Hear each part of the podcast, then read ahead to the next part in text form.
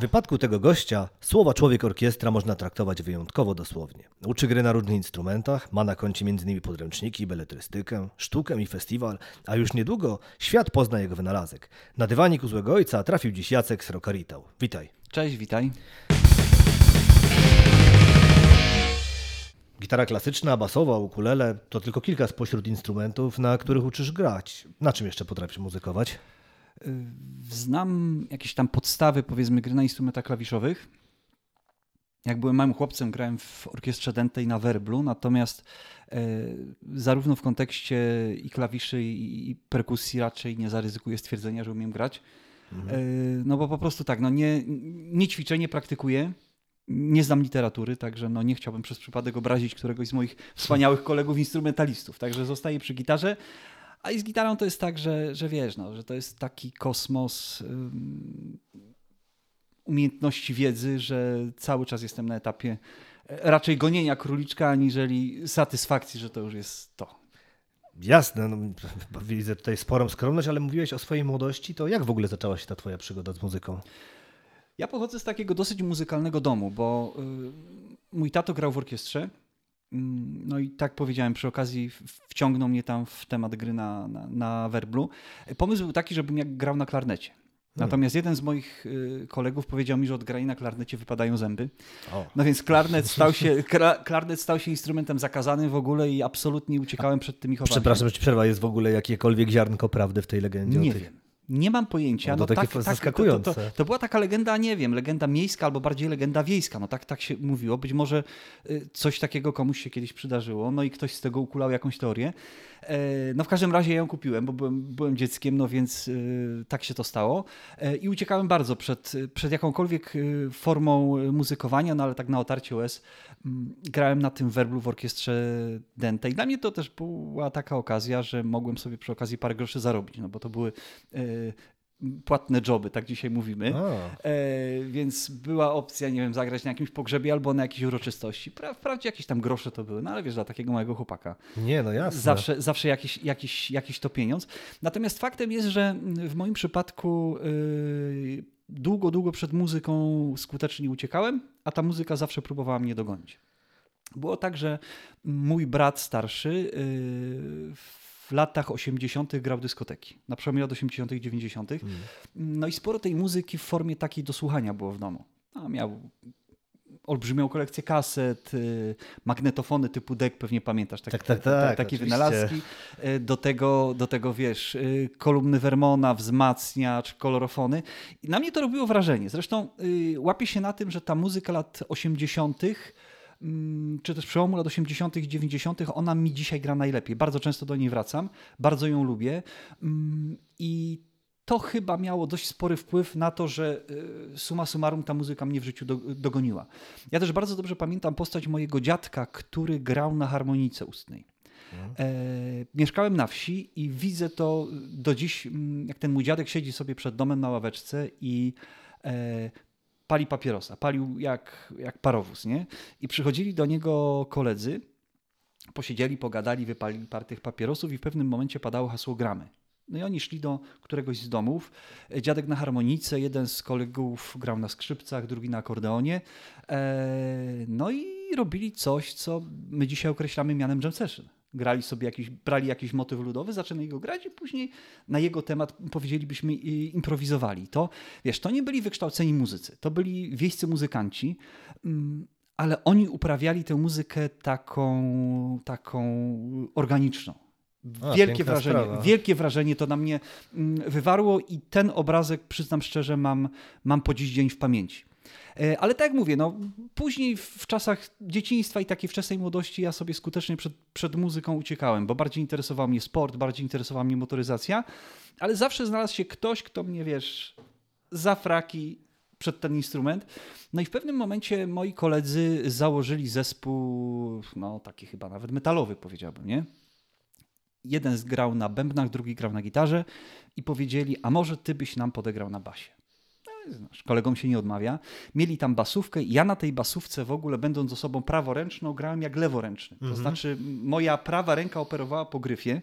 Okej. Jako, że miałem jako dziecko do czynienia z instrumentami klawiszowymi, bo e, mój brat zaraził mnie miłością do Jean-Michel Jarra, więc próbowałem te wszystkie melodie gdzieś tam na tych klawiszach grać. No i tak analogicznie tę prawą rękę przeniosłem na, na, na, na gryf basówki, no i jakoś to tam wyglądało, coś próbowałem im zagrać w tym, w tym metalowym zespole. A pamiętasz może nazwę, że tak się E, wtrącę? wiesz co, ja nie wiem, czy ten, czy ten zespół do, dorobił się jakiejś nazwy, nie? No No, tak. bo, bo to były takie wcze, wczesne próby, pom- pomysłów było, było kilka, wiesz, to był taki czas, że powstawały logotypy e, kreślone na kartce w kratkę długopisem i ten A, logotyp był w ogóle klasyka. nieczytelny. Tak. No, no to standard, nie? Muzyka, muzyka metalowa wiadomo. Tak jak gałęzią byś zamoczoną w tym Dokładnie, farbie. dokładnie, dokładnie tak to wyglądało. Mm, Natomiast faktycznie pełniłem tam przez krótki czas rolę basisty do momentu, aż kolega gitarzysta poszedł do wojska. I on mi powiedział, stary, mówi, wiesz co, ja idę do wojska, nie będzie mnie długo, weź moją gitarę. Na takiej zasadzie, wiesz, zaopiekuj się, nie? I ja wtedy tę gitarę wziąłem i jak spróbowałem grać rzeczywiście tak jak osoba leworęczna na praworęcznej gitarze, no to to już, to już się nie udawało kompletnie i zacząłem ją przestawiać faktycznie tak, jak, jak, to, jak to praworęczni gitarzyści, praworęczne osoby mają. I tak się złożyło, że wtedy w moim życiu pojawił się zespół Metallica. To był taki międzyczas oddzielający mm, czarny album i, i load, powiedzmy. Czyli początek lat 90. Czyli początek lat 90. No i ja wtedy mm, no, zafiksowałem się mocno na, na, na, na, na punkcie i tego zespołu, i całej tej energii, którą to granie ze sobą niosło. Zacząłem się cofać w kierunku wiesz, tych, tych starszych albumów, pierwszych. Mm, No i zacząłem się też wycofywać ze sportu, bo uprawiałem sporty walki, ale pojawiły się pewne, e, no powiedziałbym, takie zdrowotne przeciwwskazania i wtedy po raz pierwszy pomyślałem, że być może ta muzyka to jest coś, co, czym byłoby się mm, fajnie zająć. I na jakimś etapie no, zacząłem faktycznie bardzo się tym interesować, bardzo dużo mm, się uczyć, poznawać ludzi. Wtedy wyjeżdżałem z tego mojego rodzinnego Opatowa do Częstochowy, do Katowic, szukałem sobie e, nauczycieli, poznałem przy okazji paru, paru bardzo fajnych gości. Jednym z nich, jeśli mogę mm, ci powiedzieć, był e, człowiek, który nazywa się Waldi Moder. Nie wiem, czy kojarzysz go. Nazwisko kojarzę, ale mam wrażenie, że przez to już przygotowywałem się do rozmowy i on się chyba w twoim bio gdzieś przewijał. Tak. e, To On, wrażenie, przez pewien, stąd, czas, on ale- przez pewien czas grał z Romanem Kostrzewskim. No Przez, to mia, no miał, to miał, tak. krótki, miał krótki epizod, ale de facto był to facet, który był specjalistą, nie, nie żyjący już niestety, z- zmarł bardzo młodo, e, ale był to facet, który był specjalistą e, w dziedzinie techniki gitarowej, zwłaszcza e, zwłaszcza Steve'a Vai'a. Więc takiego grania bardzo technicznego, bardzo szybkiego, bardzo, bardzo widowiskowego. Jakoś przypadkiem zdobyłem na niego namiar. Byłem kilka razy u niego w Katowicach po takie, mm, powiedzmy, konsultacje. No i wiesz, i to były czasy dość trudne, bo mimo, że to był początek lat 90., to zarówno literatura, jak, jak i wszelkie formy możliwości zdobywania wiedzy nie były aż tak bardzo dostępne jak dziś, no bo dzisiaj mamy to na wyciągnięcie ręki. Wtedy wiązało się to z kupowaniem, no czasem za ciężkie pieniądze, y, rzeczy, sprowadzaniem na przykład z Anglii, podręczników, których, których tutaj nie było. No ale faktycznie kręciło mnie to bardzo. I na trzecim roku studiów, a studiowałem historię, w ogóle nie podszedłem do sesji letniej, w ogóle. No, prostu Uznałem, że, że już nie chcę tego robić, że muzyka to jest coś, co, czym, chcę się, czym chcę się faktycznie zajmować. Jakimś cudem skończyłem te studia, ale, ale no, odkryłem, że to jest to, że to jest ten temat. Ale jak rodzina zareagowała na to, że zamierzasz studia porzucić? No bo to tak wygląda, jakbyś chciał je porzucić, prawda? Y, Wiesz co, to nie było tak, że ja jakoś tak zero-jedynkowo postawiłem, dobra, Mhm. rzucam studia, biorę się za muzykę. To się działo raczej dyskretnie. Na marginesie tato, który zawsze gonił mnie do instrumentów, e, jak zobaczył, że ja gram na gitarze, no to powiedział, no chłopie, no ale jak ty będziesz z tego żył, jak ty w ogóle wiesz, zamierzasz, mimo że, y, zwłaszcza, że tata jakby kochał muzykę, uwielbiał instrumenty, widział mnie na przykład jako klarnecistę e, albo w ogóle jako dęciaka, e, ale gitarze jakoś tak odmawiał miana poważnego instrumentu. W związku z czym no, z tatą miałem pewien problem, no ale wiesz, że gdzieś tam po kątach się chowałem, rzeczywiście piłowałem na tej gitarze. E, No dopiero po latach tato już był starszym człowiekiem i on jakby z takim niedowierzaniem mówi, dziecko, że ty z tego, jak tyś to zrobił, że ty, że ty z tego żyjesz. No fajne to było, ale, ale no, była pewna trudność w tym wszystkim. Nie? No, jak, jak tu pokazać komuś, że, e, że mm, masz taką pasję, którą wiesz, no, traktujesz bardzo na serio. No ja teraz z perspektywy rodzica, sam będąc rodzicem, doskonale rozumiem rozterki mojego taty, czy w ogóle moich rodziców, mojej mamy, mm, no, że oni no, mieli jakieś uzasadnione pytania i dylematy, no co, co to z tym będzie. No szczęśliwie się mm, poukładało tak, że dziś jest to mój zawód i, i fajnie, że tak.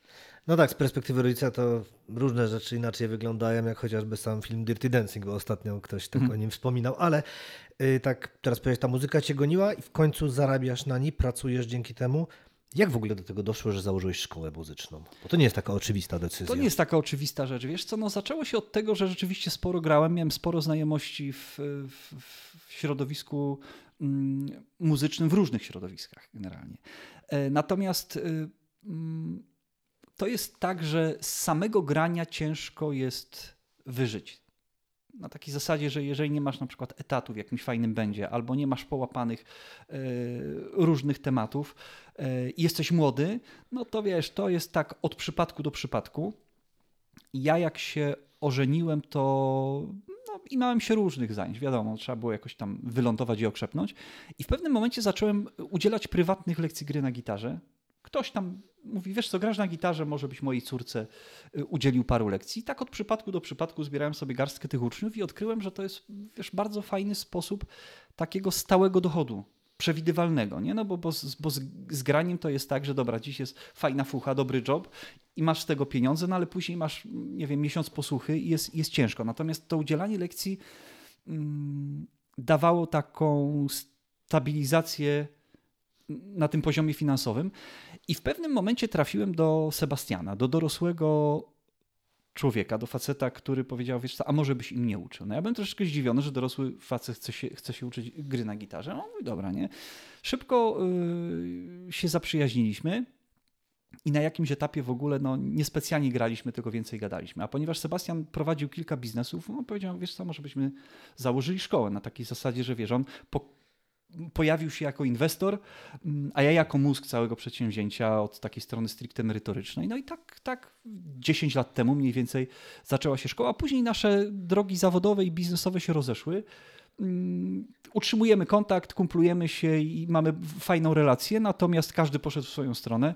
Dzisiaj moim wspólnikiem jest i moim, moim wspólnikiem, moją szefową jest moja żona, ale bardzo sobie chwalę, dlatego że, dlatego, że yy, Asia zajmuje się tematami wszelkimi finansowo-księgowymi, buchalteryjnymi, których ja yy, nie lubię z wzajemnością, a mnie pozostaje stricte muzyczna część zagadnienia. Czyli taki model jak u Osbornów. No powiedzmy. A potrafisz ocenić, ilu obecnie masz uczniów?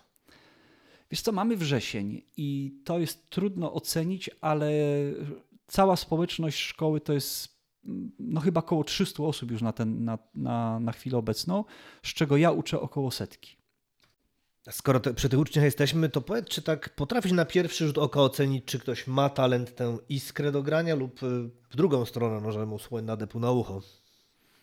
Tak, myślę, że tak. Wiesz, to, to nie jest jakiś taki, y, taka rzecz, która wymaga jakichś super umiejętności albo, albo jakiegoś takiego mega doświadczenia. To po prostu widać i słychać na pierwszy rzut oka i ucha. Natomiast ja tutaj powtarzam tę taką starą zasadę, że ten talent w procesie mm, kształcenia takiego młodego muzyka to jest naprawdę 10%, a może i mniej.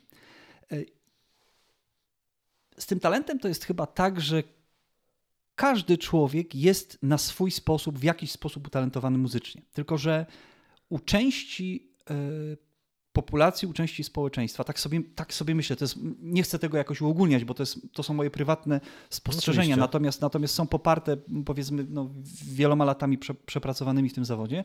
I mam takie poczucie, że u części ludzi, czy u części dzieci te predyspozycje do muzykowania są bardzo na wierzchu. A jest grupa ludzi, którzy mają je dość głęboko schowane i faktycznie trzeba się namozolić. I to jest praca ze strony nauczyciela i, i, i ze strony samego zainteresowanego, żeby się tam dokopać, żeby się do tych pokładów dostać. I powiem Ci szczerze, że ja wielokrotnie byłem tak bardzo zaskoczony, jak ktoś, kto na pierwszy rzut oka zupełnie nie rokował, y, dzięki dobremu podejściu, dzięki systematycznej pracy, dzięki mm, może takiej trochę nawet, wiesz, wierzę w siebie, w, swo, w swoje umiejętności, ktoś nagle dostał się, wiesz, dobrał się do miodu. i nagle zaczęło mu to pięknie procentować, także ja bym naprawdę nie przeceniał y, roli talentu jako tej takiej, wiesz, iskry, którą ktoś ma i którą ktoś świeci zewsząd, bo faktycznie jest to tak, że jeśli ktoś ma taki talent, właśnie jeśli, jeśli o talencie mówimy, umie systematycznie i solidnie pracować, to to jest chyba ta droga. Czy jednak ta praca jest systematyczna? Tak od razu nie wiem czemu skojarzyło mi się to z biegaczami bodajże z Jamajki, gdzie często do wieku seniorskiego w tym, przy tym przejściu na wiek seniorski chętniej Mhm. inwestuje się w zawodnika, który był zazwyczaj drugi, niż w tego, który zwyciężał, No bo tak. znaczyło, że miał większą motywację. No tak, no bo wiesz, y, ja też y, w swoim życiu widziałem kilka talentów takich, jak to się mówi, pierwszej wody. Ludzi, którzy po prostu mają to o, na pstryk. I widziałem sytuację, w- której ktoś, mając tak ewidentny talent, tak ewidentne predyspozycje, yy, działał na zasadzie, no co, no jest, bo było, nie? A nagle był ktoś, kto nie miał tego aż tak bardzo, wiesz, na wierzchu, nie miał w tym wszystkim takiej łatwości, ale miał z tyłu głowy coś takiego, że ma coś do udowodnienia, nie? że potrzebuje popracować, żeby, żeby to wydobyć. I dzięki tej konieczności tego wydobycia wypracował w sobie taki etos pracy, taką systematyczność, która no, summa summarum finalnie zaprowadziła go do jakiegoś tam sukcesu. Hmm, Okej, a powiem tak, no bo e, tak myślę, to z pracy, wydobywanie, rzeźbienie, no Mhm. i faktycznie już parę tych talentów ociosałeś, bo z tego co kojarzę, to niektórzy odnoszą już sukcesy. Czy możesz No, się pochwalić tak, takimi no wiesz co, osobami? To jest dla mnie bardzo wielka sprawa, że spotykam na swojej drodze młodych ludzi, którzy y, z jakąś tam powiedzmy moją pomocą są w stanie coś fajnego zrobić. Mm, Dawno temu y, współpracowałem z takim zespołem Menhor. To był mm, zespół Menhor założył Michał, który był synem y, perkusisty, z którym ja naówczas grałem. Y, I Kazik powiedział, y, wiesz co Jacek, może byś tam z moimi chłopakami, z tymi łebkami tam popracował trochę, bo oni zakładają jakąś kapelę, może byś z nimi posiedział, pokazał im cokolwiek na temat takich s- kwestii wiesz, wykonawczych, yy, związanych z komponowaniem, z, aranże, z aranżacją i tak dalej, i tak. Ja mówię, a czemu nie? No spotkaliśmy się raptem kilka razy, więc nie chciałbym sobie tutaj jakoś wielkiego wychowawstwa muzycznego przypisywać, ale faktycznie ten Menhor zrobił na mnie duże wrażenie, bo taka energia, no to jest, to, to jest metalowe granie yy, i oni grają po dziś dzień i grają naprawdę dobrze. To jest takie uczciwe, rzetelne, y, hard rockowe czy metalowe mm, granie i bardzo się cieszę, że, że mogłem z nimi współpracować. No na pewno wymieniłbym tutaj zespół Przebarwienia, bo to są dwie dziewczyny. To kojarzę. To są dwie dziewczyny, ym, które poznały się u mnie na zajęciach y, i bardzo szybko zaczęły spoglądać w kierunku tworzenia y, swojej muzyki. To wiesz, to się tak, za, to się tak zaświeciło. Myśmy to, w to zaczęli wchodzić i dziewczyny zaczęły się oczywiście zaraz spotykać gdzieś tam poza, poza lekcjami. No i dzisiaj tworzą bardzo fajną, fajną ekipę. Dobrały jeszcze do tego wokalistkę. Teraz jeszcze na ostatnim jakimś tam e, ich wydarzeniu facebookowym widziałem, że jest, że jest jeszcze jeden e, muzyk, dołączył do nich na gitarze basowej. Grają bardzo fajną muzykę alternatywną, bardzo ambitną przede wszystkim, z bardzo fajnymi, wartościowymi tekstami. Także bardzo się cieszę, bardzo im kibicuję. No musiałbym wymienić też jeszcze Patryka Chmurę, z którym ja przez pewien czas grałem. Tworzyliśmy taki duet, e, który nazywał się Dog. Bardzo zdolny chłopak. E, Dog to był, to był skrót od dwu, dwuosobowa orkiestra gitarowa. E, Graliśmy standardy muzyki współczesnej w aranżacji na dwie gitary akustyczne. E, Później nasze drogi też się rozeszły, bo Patryk e, wyjechał do Krakowa na studia, ale tam sobie świetnie radzi, udziela się w różnych projektach, m, ma swój kanał na YouTubie, tworzy muzykę, komponuje, nagrywa. Super. No i jest jeszcze jakaś tam grupa ludzi, którzy grywali w różnych składach, no ale z różnych przyczyn. No najczęściej to są studia, wiesz. No ktoś wyjeżdża, ustawia się jakoś na nowo w życiu, zanim mm, sformuje nowy zespół, no to mija trochę czasu, ale oni wiem, że tam się udzielają w różnych projektach, grają, wiesz, jam session i tak dalej, i tak dalej. Mam jakiś kontakt z nimi, widzę, że sobie bardzo fajnie radzą. Mhm. Ale tak, sukcesy sukcesami, a co jest najtrudniejsze w takim nauczaniu? No wiesz co, jest kilka y, trudnych rzeczy, ale myślę sobie, że najtrudniejsze jest to, żeby przekazać komuś to, czym mówiliśmy, ten taki etos pracy. Bo muzyka jest takim, taką, takim rodzajem aktywności, y, w którym od tej systematycznej roboty zależy w zasadzie wszystko. Ktoś mądry kiedyś powiedział, że muzykiem się jest, a nie bywa.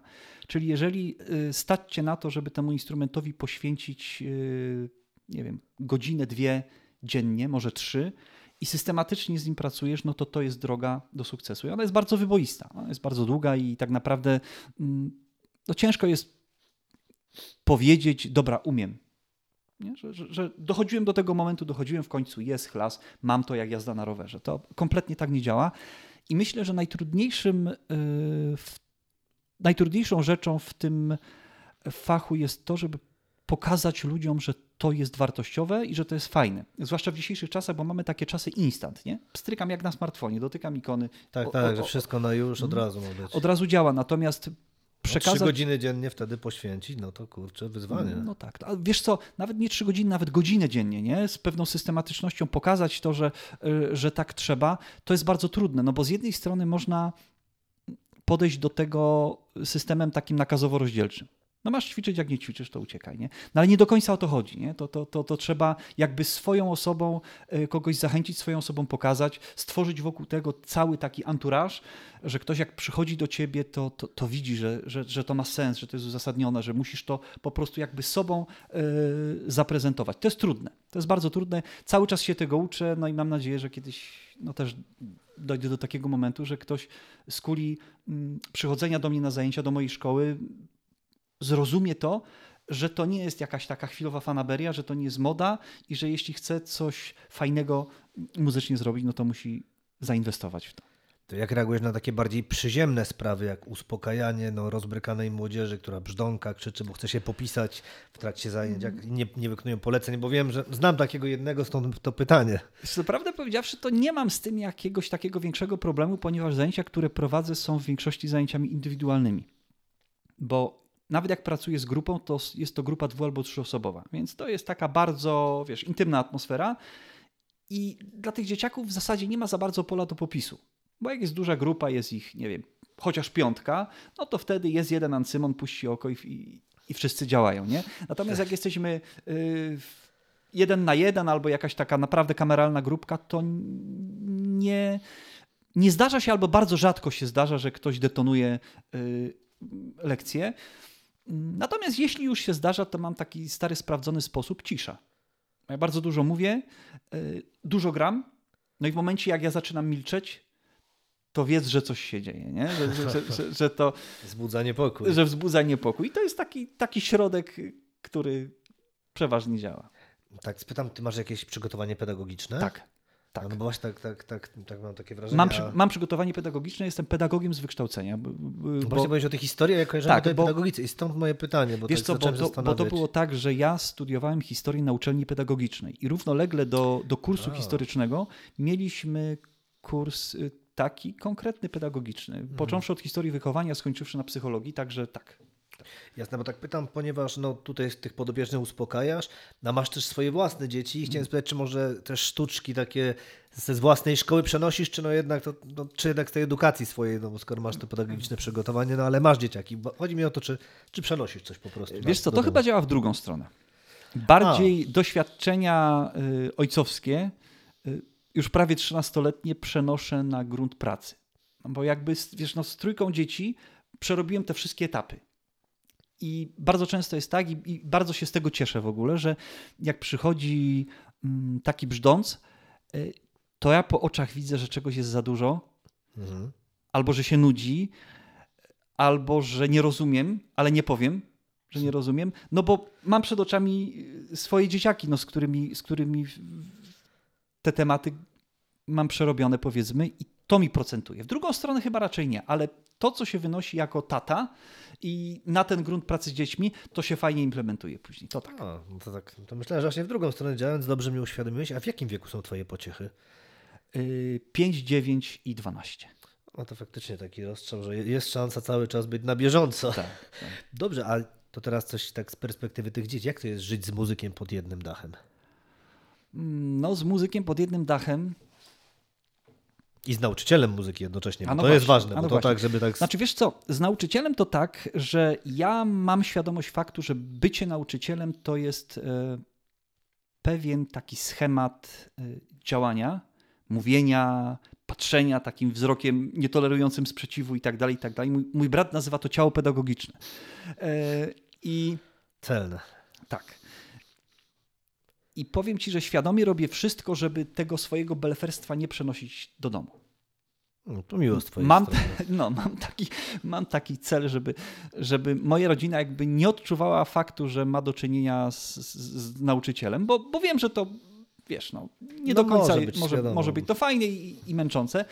Natomiast tak jak powiedzieliśmy, muzykiem się jest, a nie bywa. No i tu już jest ciężej, bo mieszkamy w takim dość małym domu. No i wszędzie są instrumenty, wszędzie są moje gitary. Yy, i jakieś wzmacniacze się pojawiają, jakieś efekty i kable. Yy, No i ja dużo gram w domu, faktycznie. Faktycznie dużo gram w domu, bo mimo, że sporo czasu spędzam w pracy, to przychodzę i gram i ćwiczę. Yy, Oczywiście staram się mieć czas dla dzieci, taki dla nich i tylko dla nich. Że jesteśmy, że możemy poczytać, pogadać, pobawić się. No bardzo sobie też cenię w pracy nauczyciela to, że mam dwa miesiące wakacji i, i dwa tygodnie ferii. W sumie uzbiera się tego trzy miesiące, kiedy w ogóle nie chodzę do pracy. No i to jest taki czas dla nas. No to, natomiast tak poza nim ja bardzo dużo gram na tych instrumentach. No i muszę ci powiedzieć, że na przykład mm, moja małżonka, zresztą dzieci też, są tak znieczuleni na to moje granie, że tak jak my sobie tu siedzimy na kanapie, to my siadamy w domu przed telewizorem na kanapie, oglądamy serial. Ja mam tam na tym podłokietniku mam metronom, który klika, wyobraź sobie. Mam gitarę elektryczną niepodłączoną Okej. tak, w ramach przyzwoitości, nie podłączono do żadnego wzmacniacza i piłuję, wiesz, te wszystkie skale i im to kompletnie nie przeszkadza. Oni, oni są w ogóle znieczuleni na to, także... Ale no- to filmy nieme oglądacie? Czy... No nie, normalnie. Normalnie. Powiem więcej. Ostatnio moja żona to w ogóle jest.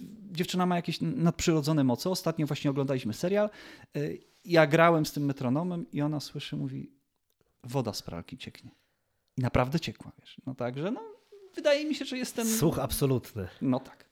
No ale tak to zmierzam do tego, czy ty zaszczepiłeś miłość do muzyki w swoich dzieciakach, bo to jest takie, wiesz, jak jesteś Hmm. nauczycielem, to możesz wbrew pozorom no, łatwiej zniechęcić niż, za, niż zachęcić stąd. Z moimi dziećmi to jest tak, że te dzieci są bardzo muzykalne. No z jednej strony są skazane na bluesa, yy, ale z drugiej strony oni mają też sporo własnych zainteresowań i faktycznie y, mają swoje instrumenty i umieją na nich grać, ale żadne z nich jeszcze nie jest na takim etapie, że systematycznie poświęca mu czas i systematycznie trenuje, a ja też nie chcę wymuszać, bo to, bo, bo wiesz, nie na tym to polega, że skoro ja kocham muzykę, skoro żyję z muzyki, skoro ta muzyka jest dla mnie tak istotna, no to moje dzieci też muszą. Nie, nie robimy czegoś takiego. Mam nadzieję, że kiedyś, bo faktycznie wiesz, nie do końca jest się obiektywnym w stosunku do swoich dzieci, ale mam takie wrażenie i widzę, że oni mają pewną łatwość w, w przyswajaniu muzyki. I na przykład jak są święta i jest kwestia przygotowania paru kolęd na trzy gitary, to spokojnie jest, wystarczy nie, parę dni siadamy i gramy. I po tym wnoszę, że, że łatwo im to przychodzi, natomiast nie ma jeszcze tej motywacji, która sprawiłaby, że oni będą systematycznie z tym instrumentem pracować. Czekam na to. Mam nadzieję, że, że, że, że kiedyś nastąpi ten moment. Ale to jakie instrumenty już potrafią e, opanować, bo mówisz, że gitara? To... Oni grają na gitarach. Oni grają na gitarach. Kuba, mój najstarszy syn, trochę na klawiszach, ale generalnie to gitary. Super. Dobrze, to no nie wiem, czy już czas o tym mówić, ale no masz na koncie pewien wynalazek i związany oczywiście z muzyką. Czy możesz tutaj uchylić rąbka tajemnicy? Wiesz co, z wynalazkiem jest tak, że on będzie miał swoją premierę na przełomie roku.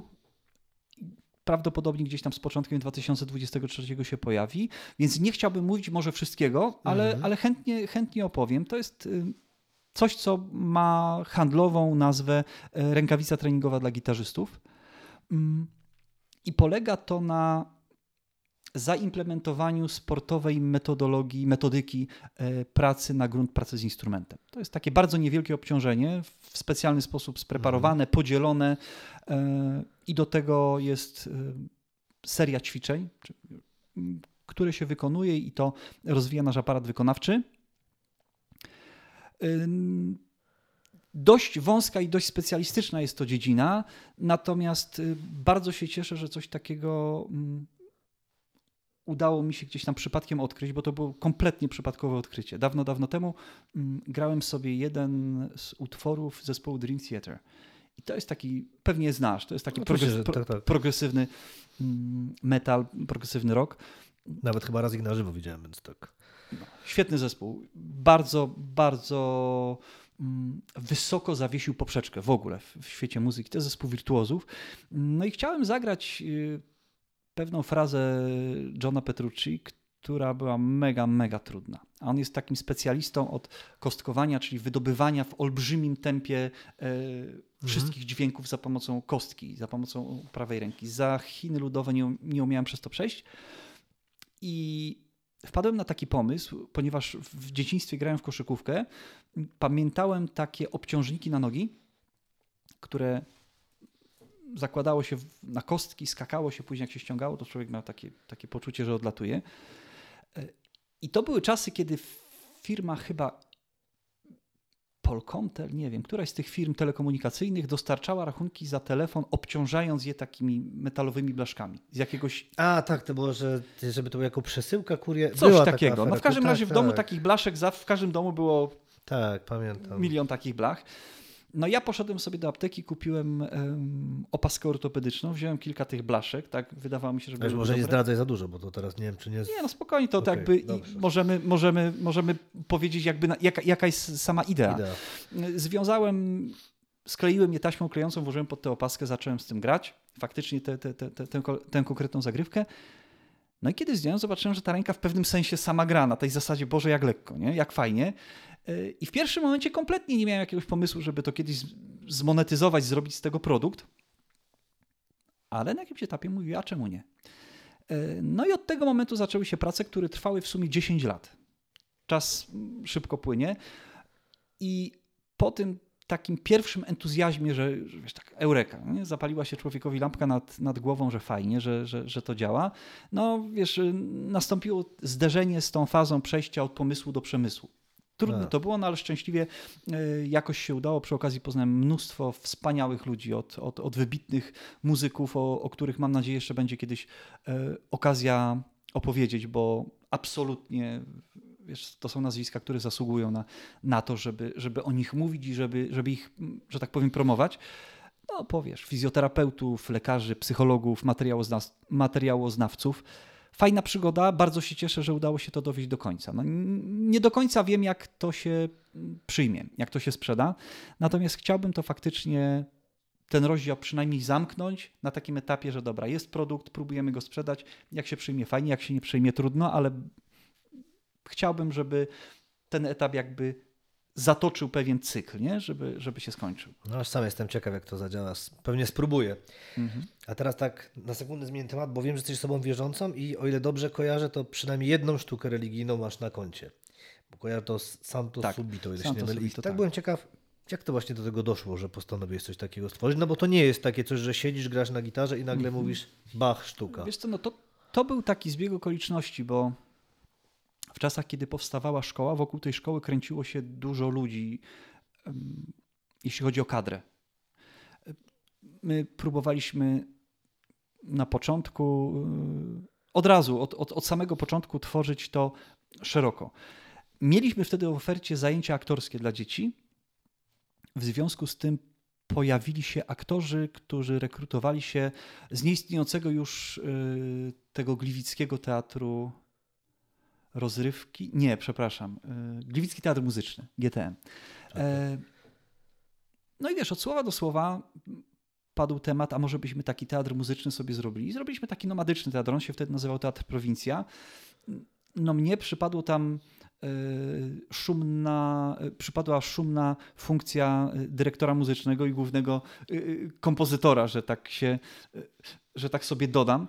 E, ale faktycznie zaczęliśmy robić na początku takie proste rzeczy, jakieś takie mówię, proste, proste przedstawienia e, kierowane gdzieś tam do szkół. W pewnym momencie pojawił się Santo Subito, ale na jakimś etapie pojawiły się dwie bardzo fajne rzeczy, do których mam bardzo duży sentyment. E, jeden to był spektakl muzyczny Popiełuszko Apostoł Odwagi. I tak, to też kojarzę to faktycznie. Tak, to było, to, to był, to się nam no chyba udało, bo on nawet był na jakimś prze, takim bardzo dużym mm, przeglądzie teatrów, y, gdzie stawał w szranki z takimi profesjonalnymi, dużymi już y, instytucjami. i tam zdobył jakieś wyróżnienie. On miał formę takiej, powiedziałbym, rogo opery. Fajne to było, bardzo, bardzo zostało pozytywnie yy, przyjęte. Natomiast drugi taki, druga taka rzecz, o której chciałbym tutaj wspomnieć, to jest yy, taki koncert w zasadzie, Chrzest 966 źródło. To bardziej historyczna sprawa. O tu przyznam, nie, nie kojarzę tej sytuacji. Mhm.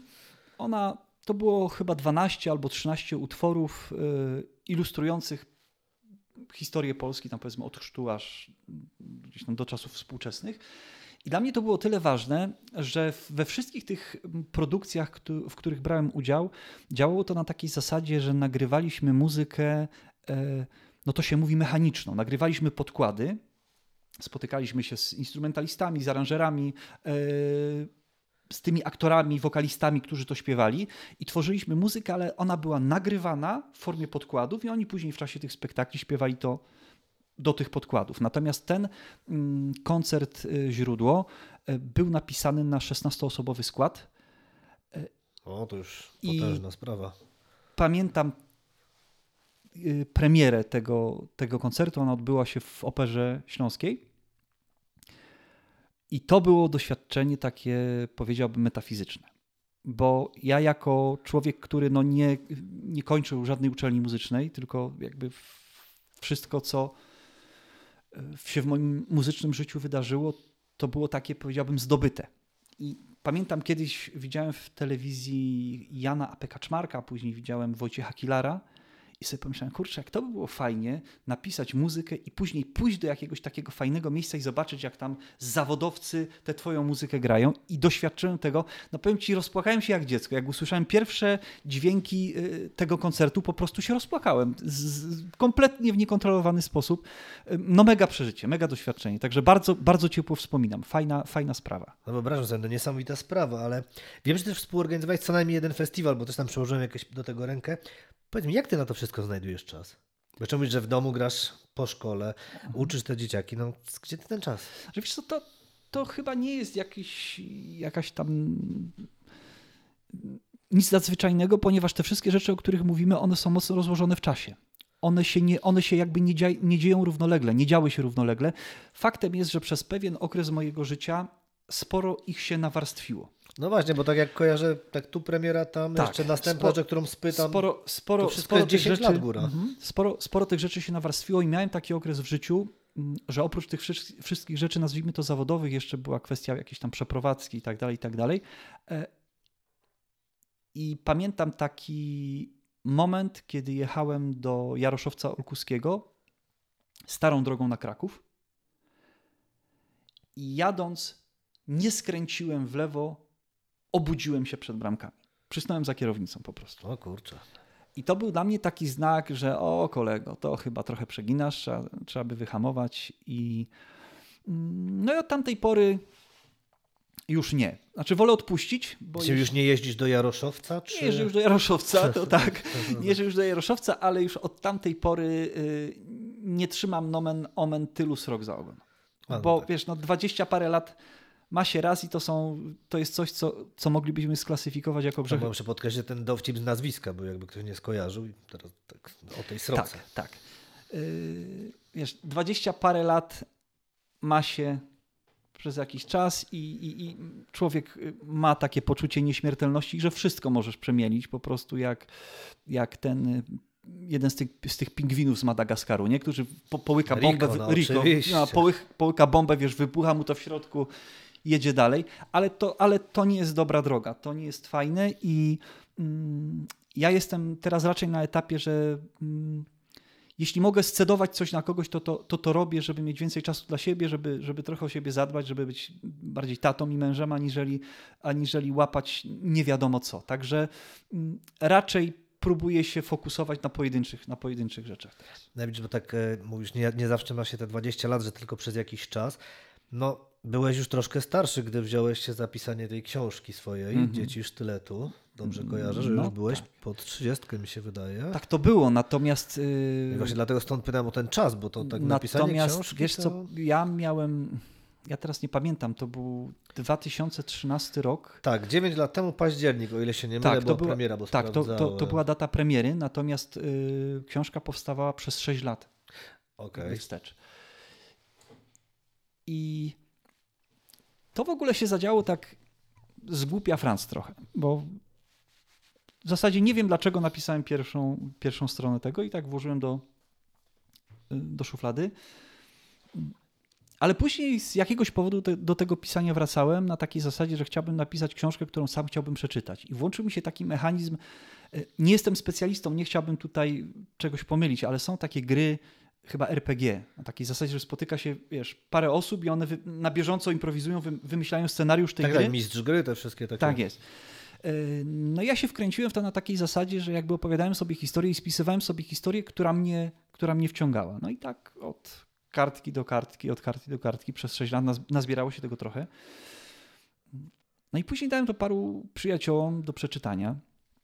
No i reakcja była taka, że wiesz, no, Markezem to ty może nie jesteś, ale no, Ale nie każdy Znosi- musi być. ale no. znośne, nie? Ale znośne. No, na takiej zasadzie, że, że jakoś tam wciągający. Kurczę, no nie deprecjonuj się, ja może nie czytałem jeszcze tej książki, ale przynajmniej jeden cytat znam, o ile się nie mylę, był on o wypluciu dwunastnicy przez śpiewaka. No gdzie- tak, no to były Wiesz, no to czyli ty jakoś do popkultury trafiłeś. No to może tak. Nie róbmy sceny. Może tak.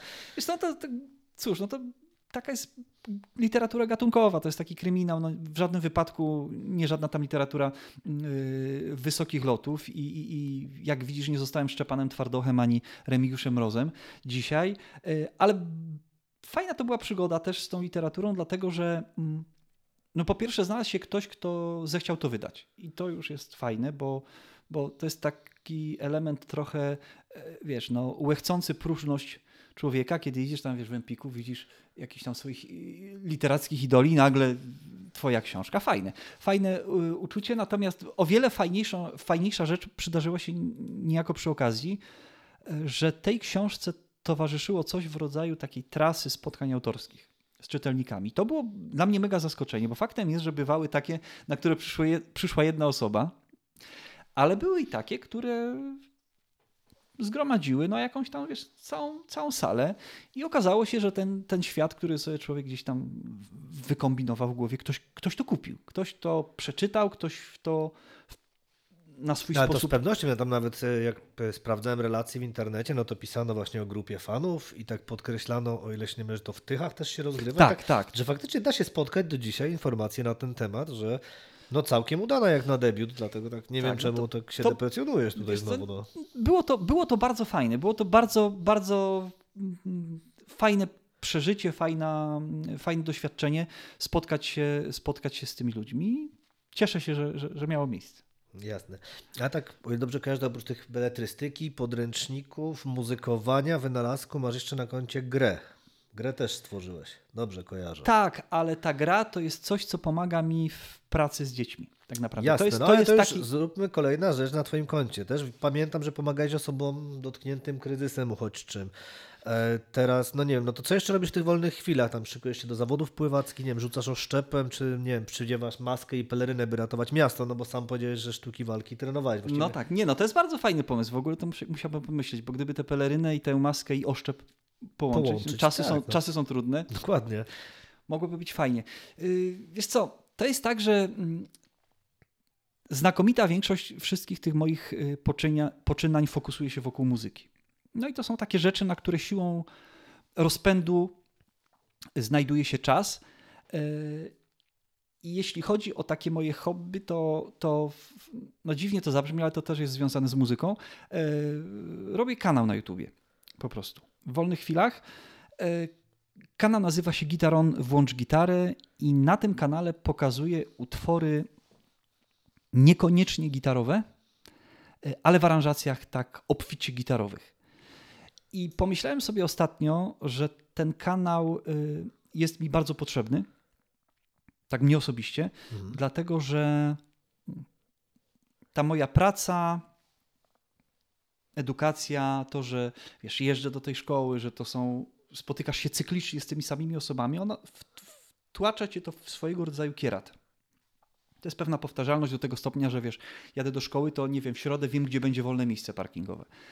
I Nieźle. E, I to jest tak, że mm, będąc muzykiem, no ja mam taką, jak, jak każdy z nas, mam taką potrzebę ekspozycji tego, co robię. No bo to nie jest tylko, to nie jest tylko nauczanie, ale też no, różne, różne rzeczy, różne pomysły gdzieś tam y, w głowie się rodzą. I stąd właśnie w czasach pierwszego lockdownu, kiedy tego czasu było bardzo, bardzo dużo, kiedy to wszystko zamarło, wpadł mi, na, wpadł mi do głowy taki pomysł, żeby sobie stworzyć kanał na YouTubie i A no tak, bo tak teraz jak mówisz, faktycznie to wtedy było, bo kojarzę kanał, bo śledzę No. go siłą rzeczy. Więc, więc y, wpadł mi do głowy taki pomysł, żeby sobie stworzyć kanał na YouTubie.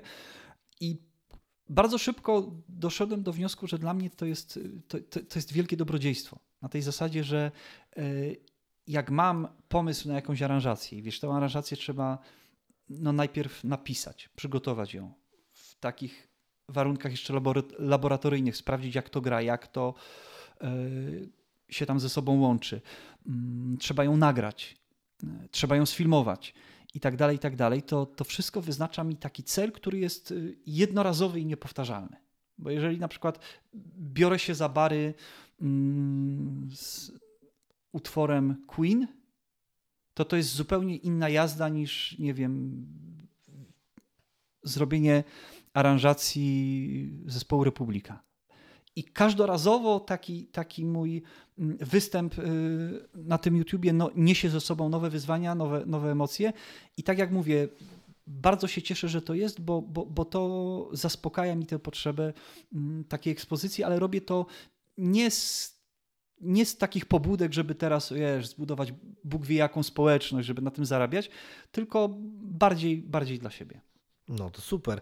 Jak już tak powiedziałeś o tym Queen, to skojarzyło mi się, że ostatnio mój młodszy z pszczelarzy powoli rezygnuje z amerykańskiego death metalu na rzecz Bohemian Rhapsody.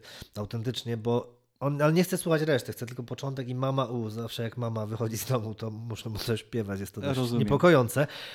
Ale tak już zamykając powolutku naszą rozmowę, uczysz od lat, grasz od lat.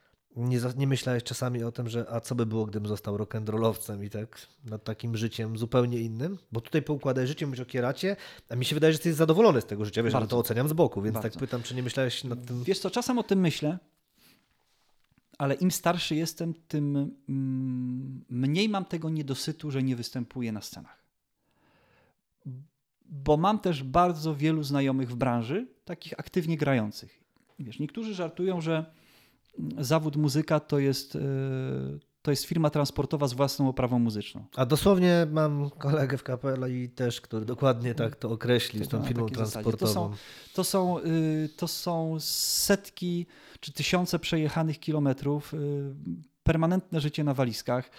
Y, No i oczywiście wielka satysfakcja, wielka frajda i, i zawsze będę chylił czoła przed y, aktywnie grającymi muzykami, bo to są, mm, to są wspaniali ludzie. Natomiast y, będąc ojcem trójki dzieci, będąc mężem, no i teraz już jakby biorąc odpowiedzialność w sumie za tyle ludzi, no bo też jest, siłą rzeczy jestem pracodawcą pro, prowadząc tę szkołę, mam takie poczucie, że, że chyba to jest właściwe miejsce i właściwy czas, w którym się znalazłem i mnie ta obecność na ciepłym stołku pedagoga cieszy. Lubię to robić, jestem z tym bardzo szczęśliwy i mam nadzieję, że się w tej, w tej branży zestarzeję i już tam zostanę. Super, to tym pozytywnym akcentem kończyłbym. Bardzo Ci dziękuję za wizytę i Ja za naprawdę miłą dziękuję. rozmowę. Również dzięki. Dzięki.